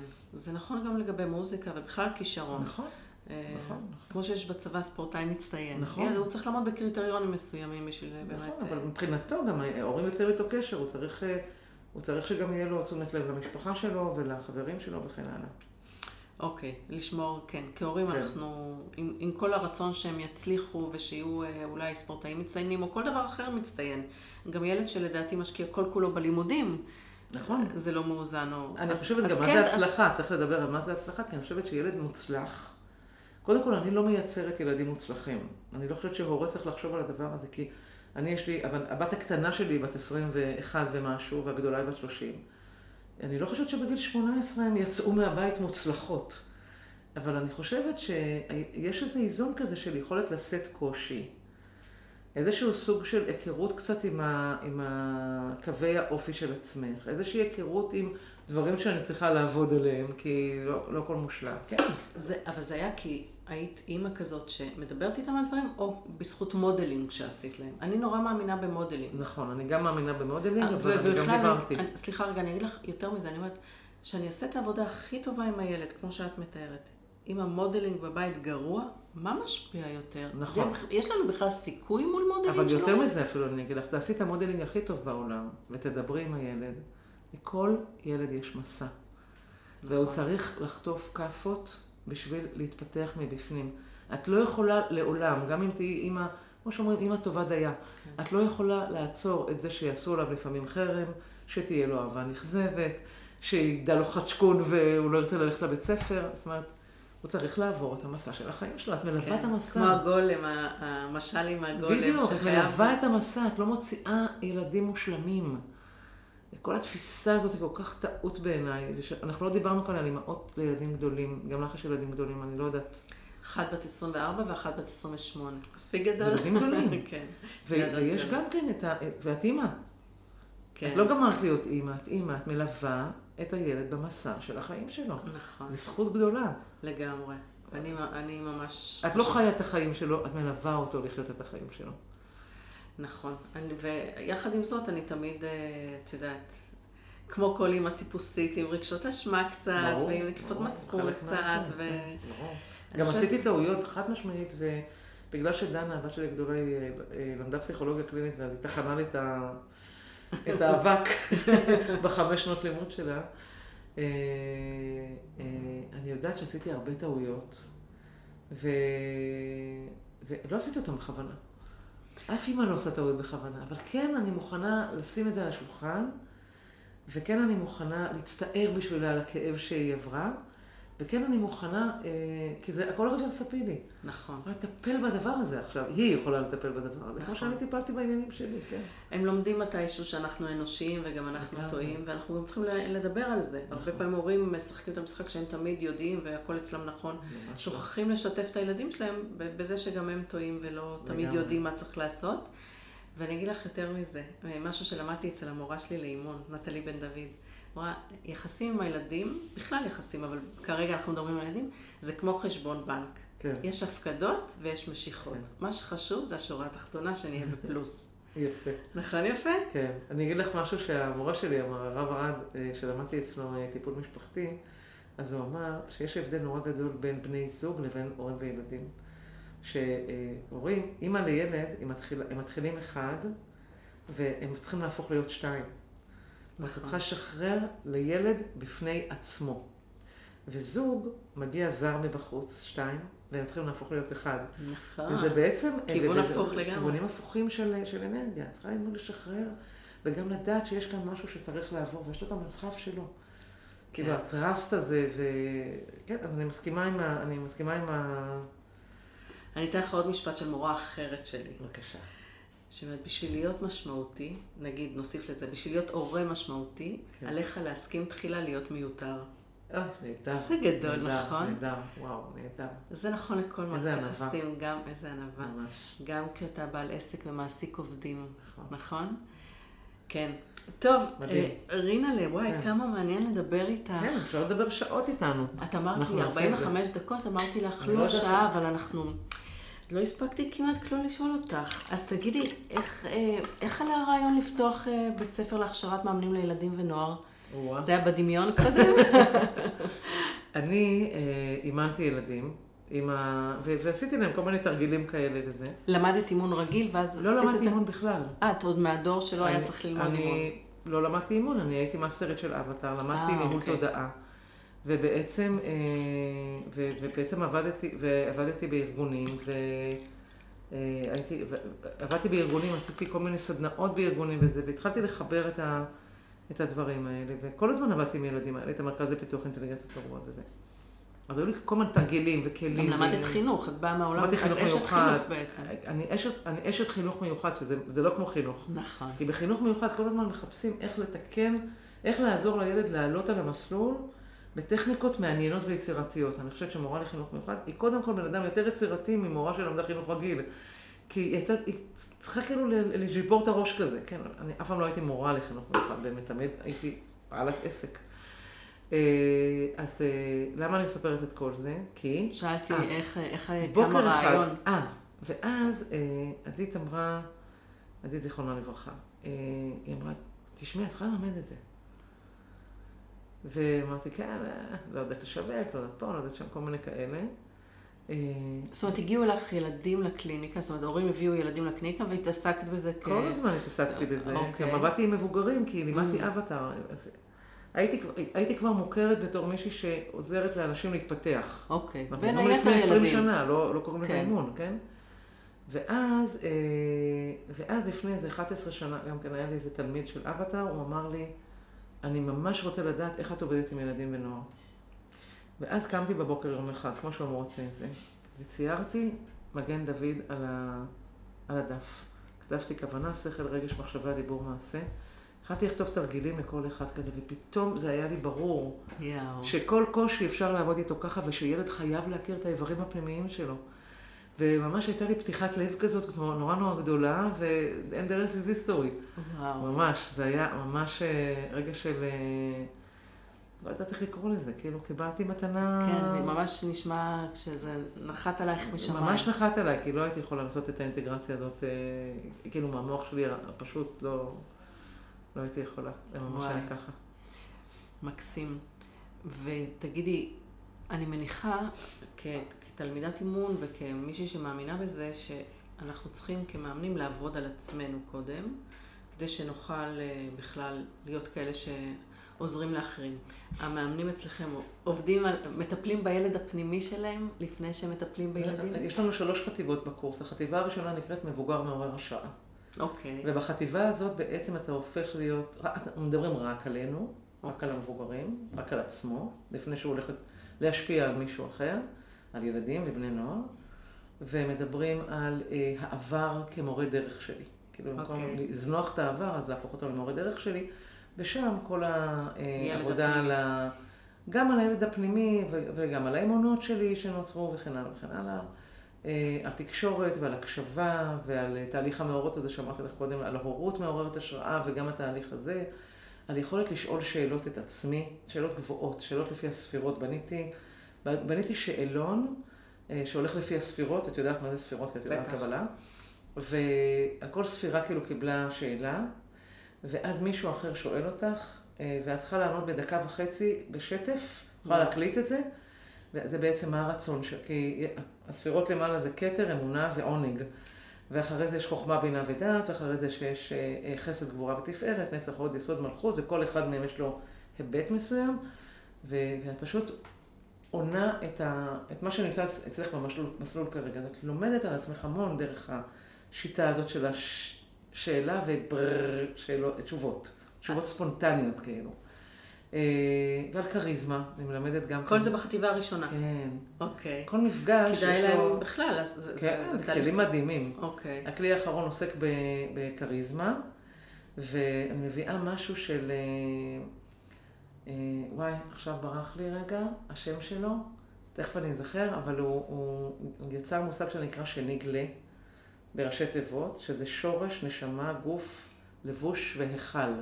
בעצם איך האור שלנו יוצא מבפנים החוצה, ואנחנו הולכים אחד, אחד, אחד, אחד כזה, כל, כל חלק כזה, פשוט רואים איך, איך האור שלנו, איך אנחנו יכולים להוציא את האור שלנו החוצה דרך אה, חמשת הרבדים האלה של ה...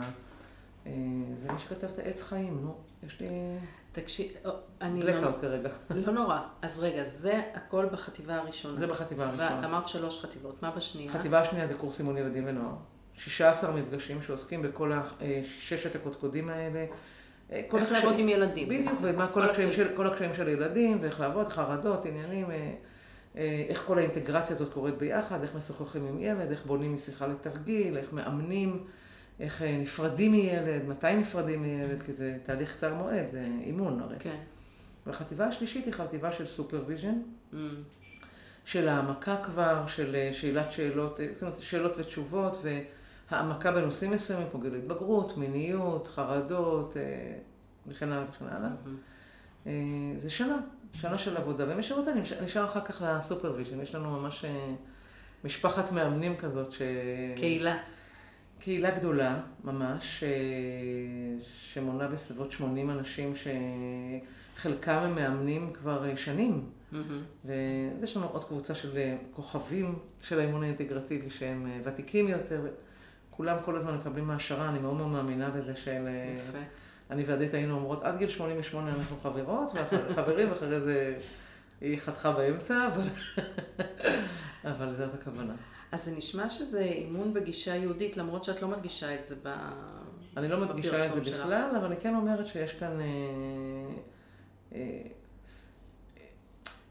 אני אומרת שיש כאן אלמנטים של אה, ארון הספרים היהודי. Mm. כן, אבל רואים אותי, אני לא דתייה, אני לא נראה דתייה, אני... זאת אומרת, זה מתאים לציבור הרחב, שלא יתראו מהשיחה הזאת שיחשבו ש... ממש, רוב האנשים שמגיעים הם חילונים. כן. היו גם חרדים חרדים. כן. שבאו, והמחמאה הכי גדולה שקיבלתי מגברים חרדים שהיו, שישבו בפינת החדר עם כובע שחור והורידו אותו כדי לא לראות איך אני נראית, בקיץ זה שהם אמרו, תודה רבה, את החזרת אותי בתשובה. כי בעצם הם, הם למדו ליצור קשר עם, עם, עם, עם הקדוש ברוך הוא, כאילו לא, לא ב... לא בהרגלים הקבועים ששוכחים את המשמעות שלהם בדיוק, בכלל. בדיוק, כן. פשוט נפתחו למשהו אחר, כן. כן. יפה. אז אני מאמינה, כמו שאמרתי, שבמודלינג, אוקיי? שאני מאמינה שהדבר הכי אה, אה, משמעותי בחינוך הילד, ואת הסכמת נכון. איתי שזה, וכשאנחנו עובדים עם הילד בנפרד, כמעט, בוא נגיד שאין איזה עניין עם ההורים, כמו שתיארת קודם שאפשר, את אומרת שיש לזה השפעה גם אם ההורים לא שותפים לאותה שפה שאת מדברת, נכון. והם לא יודעים לדבר איתו נכון, ככה. נכון, נכון. כן? זאת אומרת, יש לזה השפעה לילד כן, גם אם הוא... כן, כי הוא מתרגל בעצם בבית, הוא מתרגל עם עצמו, כל מיני תרגילים קטנים שאני נותנת לו, אה, שאנחנו נותנים לו, שהמאמנים שלנו נותנים לו כבר. אה, והוא מפתח את, ה, את המטרה שלו. את שומעת אחר כך מההורים משהו? תגידי. ברור. כן, הם ברור. לומדים מהילד שפה? ברור. קודם כל שההורים, אה, הרבה פעמים נמצאים, אני מבקשת מאחד ההורים להיות במפגש הראשון. אוקיי. כי זו פעם ראשונה אולי שההורה שומע איך הילד מתאר את הקושי של עצמו. כי אני שואלת את הילד שאלות אורך, רוחב, עומק וגובה. אה, כאילו, ממתי התחיל הקושי מבחינתו? אה, זה אורך, ברוחב, כאילו, בתחומי החיים השונים שלו, איך זה בא לידי ביטוי, בעומק, למה הוא מתכוון כשהוא אומר שיש לו קושי, מה זה אומר, שלמד אותי רגע, שאני ארגיש את זה יחד איתו. וגובה זה שאיך הוא מוציא את עצמו מדי פעם מהקושי הזה. ו... אז הילד יכול אה, לתאר דברים שההורה בכלל מעולם לא שמע את זה, כי אנחנו פשוט לא רגילים להגיד, נכון, כי אנחנו גם לא רגילים להגיד לילד מי הוא. נכון. וגם הילד פעם ראשונה אולי נפתח לה, להוויה שלו, למה קורה באמת, איך זה עובד אצלו, איך... אז ההורה, הרבה פעמים, והוא רואה את התרגילים שלי עם הנעל וכל מיני תרגילים שאני עושה בהתחלה, וההורה אמר, וואו, זה מעניין, אני יכול, אני יכול, אני אהיה כאן, אני אהיה שקט. זבוב על הקיר. זבוב על הקיר. אבל הרבה פעמים גם הורים הגיעו לאימון בעצמם. זהו, בטח הם נרשמים אחר כך לקורס, לא? לא, לא נרשמים לקורס, אבל הרבה הורים באים אחרי זה לאימון, מבקשים לעצמם. כאילו, אימא שלא פורצת דרך, אישה שלא פורצת דרך, כאילו, אומרת, בוא'נה, התרגילים האלה שאת מלמדת אותו, זה דבר שגם אני יכולה להשתמש בו, ודאי, מה זאת אומרת? אין ספק בכלל. שיאללה. כן, זה... וגם מאמנים שלנו לוקחים את הכלים של הילדים, והרבה פעמים הם הולכים לעבוד איתם עם מבוגרים, כי זה mm. קליל, כי זה כיפי, כי זה רענן, אה, זה משהו אחר לגמרי, אז הם מאוד מאוד נהנים לעבוד עם מבוגרים. מקסים. כן, בטח. תשמעי, אתם עושים עבודת חסד, נשמע לי, באמת. כולנו. אה, מדהים שאת יודעת, אנחנו מכירות ברמה החברתית כבר הרבה שנים. נכון. אבל אף פעם לא עשינו שיחה כזאת מקצועית. אני לא ידעתי את כל זה. שזה מה שאת עושה. לא ידעתי שזה מה שאני עושה. כן. אני ידעתי שאת מאמנת, אבל אני לא ידעתי גם כן אה, ככה... גם הספקתי להכיר קצת יותר לעומק. טוב שיש פודקאסט, אז אה, נפגשים. בדיוק, זה רעיון גדול. טוב, הגענו ממש לשלב האחרון, לשאלות המהירות. יאללה. יש כזה... אה, חלק. הרגל, חלק, בדיוק. כן. אז כשיש לך שעה פנויה, ספר, סרט או משהו אחר? Mm, משהו אחר. משהו ספציפי אחר או כל פעם משהו אחר? משהו אחר, משהו אחר. לא... אני חושבת שהייתי הולכת למשהו אחר, שיש לי שעה חופש. אוקיי. Okay. כן. וכשאת יוצאת לחופשה, זה בטן גב או חופשה אקטיבית? אה... זה אקטיבי. אקטיבי בדרך כלל? יותר אקטיבי, כן. אוקיי. וכשאת רוצה לפנק את עצמך, איך את עושה את זה? אני עושה את זה כל יום. אני ממש מפונקת. אה, חבל שאין וידאו ולא רואים את התנועה שאת יודעת, עושה של שואל- המלכה. אני שואלת, כאילו, אני שואלת את עצמי, מה מה תעשי ש... לא יודעת, אני אלך עם חברה אולי לים או משהו. אוקיי. זה מבחינתך אה, לפנק את עצמך. אני, אני, לא. אני אומרת, אני מפונקת, אני מתפנקת כל היום. אה, אני רוקדת בבוקר עם 50 נשים. אוקיי. אה? את עושה עבודת חסד אני ואת מפונקת, נהנית. אני מפונקת, אני נהנית, אני לומדת דברים, אני... תראי, יש מעט מאוד אנשים, אני חושבת, שמסוגלים להגיד אני מפונקת ממקום כזה שלם, עם כזאת לגיטימציה. כן. זה מדהים בעיניי, כי אנשים ישר יתחילו להתנצל שטוב להם מדי. איזה קטע זה שלמדנו כן. שאסור להגיד שטוב מדי, כן, נכון? אז מקסים אבל שאת תדעי לך אומרת... שפשוט אני, אני ידעתי, אני למדתי את זה מיאיר כספי, אני מצביעה על הספר שלו, שהוא אמר, אה, הבורא רוצה שתהיי מאושרת. נכון. כשאת שמחה, הוא כל כך שמח. זה בדיוק הפוך מהאלוהים שכל אחד מדמיין לעצמו שזה לא יפה, שזה לא נוח, שזה... ההפך, שאת, שטוב לך, כמו שאומרים על הנעלי נוחות, כן. שטוב לך, הכי יפה ש- ש- שטוב לך, ש- שנוח לך, כן. כן. אוקיי. תגידי, יש איזה מקום בעולם שאת חולמת להיות בו, שעוד לא היית? אה, האמת שאני חולמת לעשות אה, טיולים לנשים לציונים באוקראינה, אבל לעשות כאילו משהו אחר. אה, את יודעת, כאילו לבעל שם טוב, ל- לדברים שלהם, כאילו. אני בדיוק סיימתי לקרוא את אדל, בטח קראת כן, אותה. כן, כן. וואי. אה, יש איזה מקום בספרד, שאני לא יודעת איך קוראים לו עכשיו, שאני אעשה את זה עם חברה שלי, ששם הולכים ברגל אה, ימים שלמים, זה כזה שביל אה, מאוד מאוד ארוך, ופוגשים אנשים בדרך, ויש כזה צימרים בצדדים, וזה, זה דווקא בא כמו. שביל ישראל, רק בספרד. כן, אבל שביל ספרד יותר ארוך. אוקיי. לגמרי אקטיבי, כמו שאמרת קודם, חופשה אקטיבית. כן, אני לא, אין לי...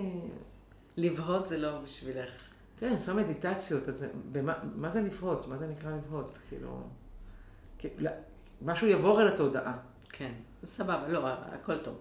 תגידי, אה, יש משהו היום שאת מסתכלת ככה לאחור, שאת מתחרטת עליו, שהיית רוצה לעשות אחרת?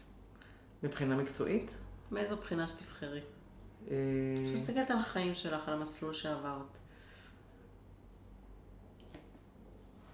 לא יודעת, אני לא, אני, אני לא חושבת שיכולתי, לא, לא חושבת ש... לא חושבת שיכולתי לעשות אחרת, ותכלס, כאילו, אני מאוד אה, מעריכה את, ה, את, ה, את, ה, את הרקמה שקרתה. יפה. את יודעת, יש אה, מושג כזה של ניטשה שהוא אומר שהחיים שלנו משולים לאריג. שבחלק אה, חלק הראשון של החיים, אז הוא נורא נורא נורא יפה וצבעוני, והחלק, ובחצי השני של החיים הופכים את אז, אבל מבינים איך החוטים קשורים אחד לשני. יפה. אז, אה, אז אני, מבין, אני מבינה איך החוטים קשורים. כלומר, זה שסבלתי פה... מחברת בין הנקודות. בדיוק. כן. זה, אז אני, הכל יקר ערך כבר, אז אני לא יכולה להגיד, אה, הייתי עושה... ואם היית צריכה היום, אם היית יכולה היום לדבר אל רינה בת ה-20, מה היית אומרת לה? אה, שאני מתה עליה. שהיא ממש, שהיא ייחודית ו... וכל אחד ייחודי כמובן, כן, אבל שהיא ייחודית וש... ושיש לפניה מסלול מרתק, מדהים של חיים, ושמותר לה להיות גם וגם וגם. אני חושבת, זה משהו שכן הייתי רוצה להגיד לה, כי היא לא יודעה מה לעשות עם כל מיני חלקים שלה, ובעצם כל חלק הוא מהמם, Mm, באמת מהמם. ממש. שאלה אחרונה, מה החלום שלך, רינה? זה המקום אה, להצהיר על חלומות. על חלומות. כן. לצעוק אותם בקול רם, אני לא. יודעת, אבל... אה, אה, כתוב לך כאן ללמוד follow your dream. follow your dream. כן. אני חושבת שאני הולכת אחרי החלום שלי. אני אגיד לך חלום מאוד מאוד משוגע. יאללה. אה, מאז שעדית נפטרה, שזה שלושה חודשים וקצת, ביום שהיא נפטרה, היה לי תחושה כזאת שאני חייבת לחבר בין העולם הבא לעולם הזה. אני הרבה מדברת על, ה, על, המושג הזה, זאת אומרת שהעולם הבא הוא לא כל כך רחוק כמו שזה נתפס עכשיו. ואני לא יודעת בדיוק איך אני אעשה את הדבר הזה, אבל אני רוצה להגיד, יש לה חיי נצח. אה, אני מדברת, אני מדברת על זה בחסידות, בתניא, הוא מדבר על מה קורה בעולם הבא, על הנשמה, כן? זה דברים מדהימים שקורים שם אחר כך. אה, והייתי רוצה מאוד לחבר. הייתי רוצה אה, שמישהו שהוא ימות ידע לאן, איך הוא ממשיך, ומשם שהוא ייצור קשר ברור לכאן. כי מה? הם יוצרים כל הזמן קשר, הם מנסים ליצור קשר, הם מביאים אור לכאן. זה אור שאנחנו צריכים למשוך אותו אלינו. הייתי מאוד מאוד רוצה שיהיה איזה משהו שיותר, זה חלום נורא גדול, ואני לא יודעת אם אני אגשים את הדבר הזה. אה, אני לא מדברת על תקשור כרגע. ברור שתגשימי, לא נראה לי שאת בן אדם שאומר אה, משהו, שעוברת לו כוונה, כן, והיא לא, לא מתורגמת כן. למעשה. לא יודעת עוד איך זה יהיה מתורגם, אבל... אה, זה שאת עוד לא יודעת, זה לא אומר... פשוט זה ירגיע את כל האנושות. זה פשוט ירגיע. כי, החרדה שלנו הכי גדולה זה להספיק, להספיק, זה שאני לא, ש, שמישהו לא ימות, שאני לא אמות. בעיקר במערב. במזרח הם חיים נכון, אחרת עם המוות. יש כן. אפילו... כן, כן. ההתייחסות למוות היא שונה לגמרי. נדחה את זה לפעם הבאה, לא יקרה כן, כלום. כן, נכון. משהו מהסגנון הזה, אבל גם ליצור קשר איתם, שזה יהיה... שתהיה תקשורת עם העולם כן, שיהיה הדדיות כזאת, ואז אה, לא יודעת איך אני יכולה לתרום להם, אני ברור איך הם יכולים לתרום לנו. יאו, מעניין. חלום מטורף. טוב, רינלה, היה לי לעונג להקשיב לך. אם אני ככה צריכה לספר. מרחב יש לך, תשמעי. אני ממליצה גם למי שלא עושה פודקאסטים איתך, אה, לבוא וליהנות מהמרחב שלך. פשוט, אני באמת, יש לי פיל טוב, כי אני עובדת הרבה שנים עם אנשים ועם כלים מאוד מאוד אה, רוחניים. יש לך מרחב מדהים. תודה, תודה. פשוט כמו מר... מפנקת פה. איזה כיף, ממש תענו. כיף לי. לפני הרבה שנים הרציתי. Mm-hmm. והיה כזה, הקהל ישב בחטא, וממש מולי ישב בחור צעיר עם עיניים מלאות אור, והסתכל עליי, ואני, אה, כשאני מרצה, אני גם מאמנת, ו... כן. והוא ניגש אליי בסוף השיחה, והוא אמר לי, את יודעת מה את עושה? אמרתי לו, מה זאת אומרת? אני משלבת קואוצ'ינג בתוך ההרצאה, אני יודעת שאני כמו, מרשה לעצמי לאמן בלייב כזה. אז הוא אומר, את עובדת עם הלב. אמרתי לו, מה זה אומר? אומר, תבואי אליי לקליניקה, אני אסביר לך. הוא היה מטפל שלי אחר כך שנתיים, קוראים לו ידין קפלינסקי, מהמם. אה, אז הוא, הוא הסביר לי, נכון. אה, יש לי את זה מתת אל, נכון. רינה, אני לא מתאמצת על זה, אני ואיזה... באמת אוהבת אנשים, אני באמת סקרנית. ואיזה כיף שאת מדברת על זה ככה. אה? את יודעת מה זה ענווה? ברור. מה זה ענווה? ענווה שזה החלק המאוזן בתוכנו, שמצד אחד אני בטוחה במה שיש לי, במה שאני מביאה, בניסיון, בידע, באיכויות שלי, ויחד עם זה אני פתוחה ללמוד מכולם, ואני יודעת שיש לי עוד דרך לעשות. זה, וזה... זה, זה כמעט ההגדרה של, של, של החסידות. אז אני... כן. זה לדעת את האיכויות שלך, ולדעת שזה לא ממך. Mm, יפה. קיבלת. נכון. קיבלת מתנה, ואת משתמשת בה, כי זה, את אמורה להשתמש במתנה הזאת. את כן. ממש מורגשת, ממש מורגשת המתנה הזאת. הגרוש שלי, אה, כשהחלטתי ללמוד אימון ולהקים עסק, אמר לי, כל החיים שלך היית כותל מערבי, הגיע הזמן שתעשי מזה כסף. שישלמו לך את זה, כן. כן. אז רינה, אנחנו נמשיך עכשיו אה, לארוחת ערב ששרון הכין לנו, ואני אגיד לך תודה, באמת היה לי אה, לעונג, ואת עושה, הבית ספר שלך והמאמנים שאת מכשירה, אני בטוחה, עושים באמת שינוי, אה, למרות שאני קצת מרגישה תסכול שזה טיפות בים ענק, אבל אה, אני בטוחה שהטיפות האלה... אני חושבת שזה לא רק טיפות, אני חושבת שבאמת אין לנו את החברה בעשר שנים, 11 שנים האחרונות. אנשים שולחים את הילדים שלהם לאימון, הם מחפשים אימון, זה... וואי, זה מדהים, אז את כנראה נוכחת לזה יותר... כי לפני 11 שנה, אני מזכירה לך, לא היה דבר כזה אימון לילדים. אנחנו טבענו את הרעיון הזה כאן בישראל. ממש. אחר כך נפתחו עוד בתי ספר לאימון לילדים. הכשרת מאמני ילדים. בעולם את מתכוונת? בעולם ובארץ. אני חושבת שאנחנו הבית ספר הראשון בעולם ובארץ להכשרת מאמני ילדים ונוער. וואי, איזה כבוד. אני מרגישה שממש עשינו, אה, שממש עשינו ועודנו עושים שינוי. מהפכה. מהפכה. וואו, אישרו כוח, אישרי כוח. תודה רבה, תודה רבה גם את. ובהצלחה. תודה, נשמה אהובה. תודה.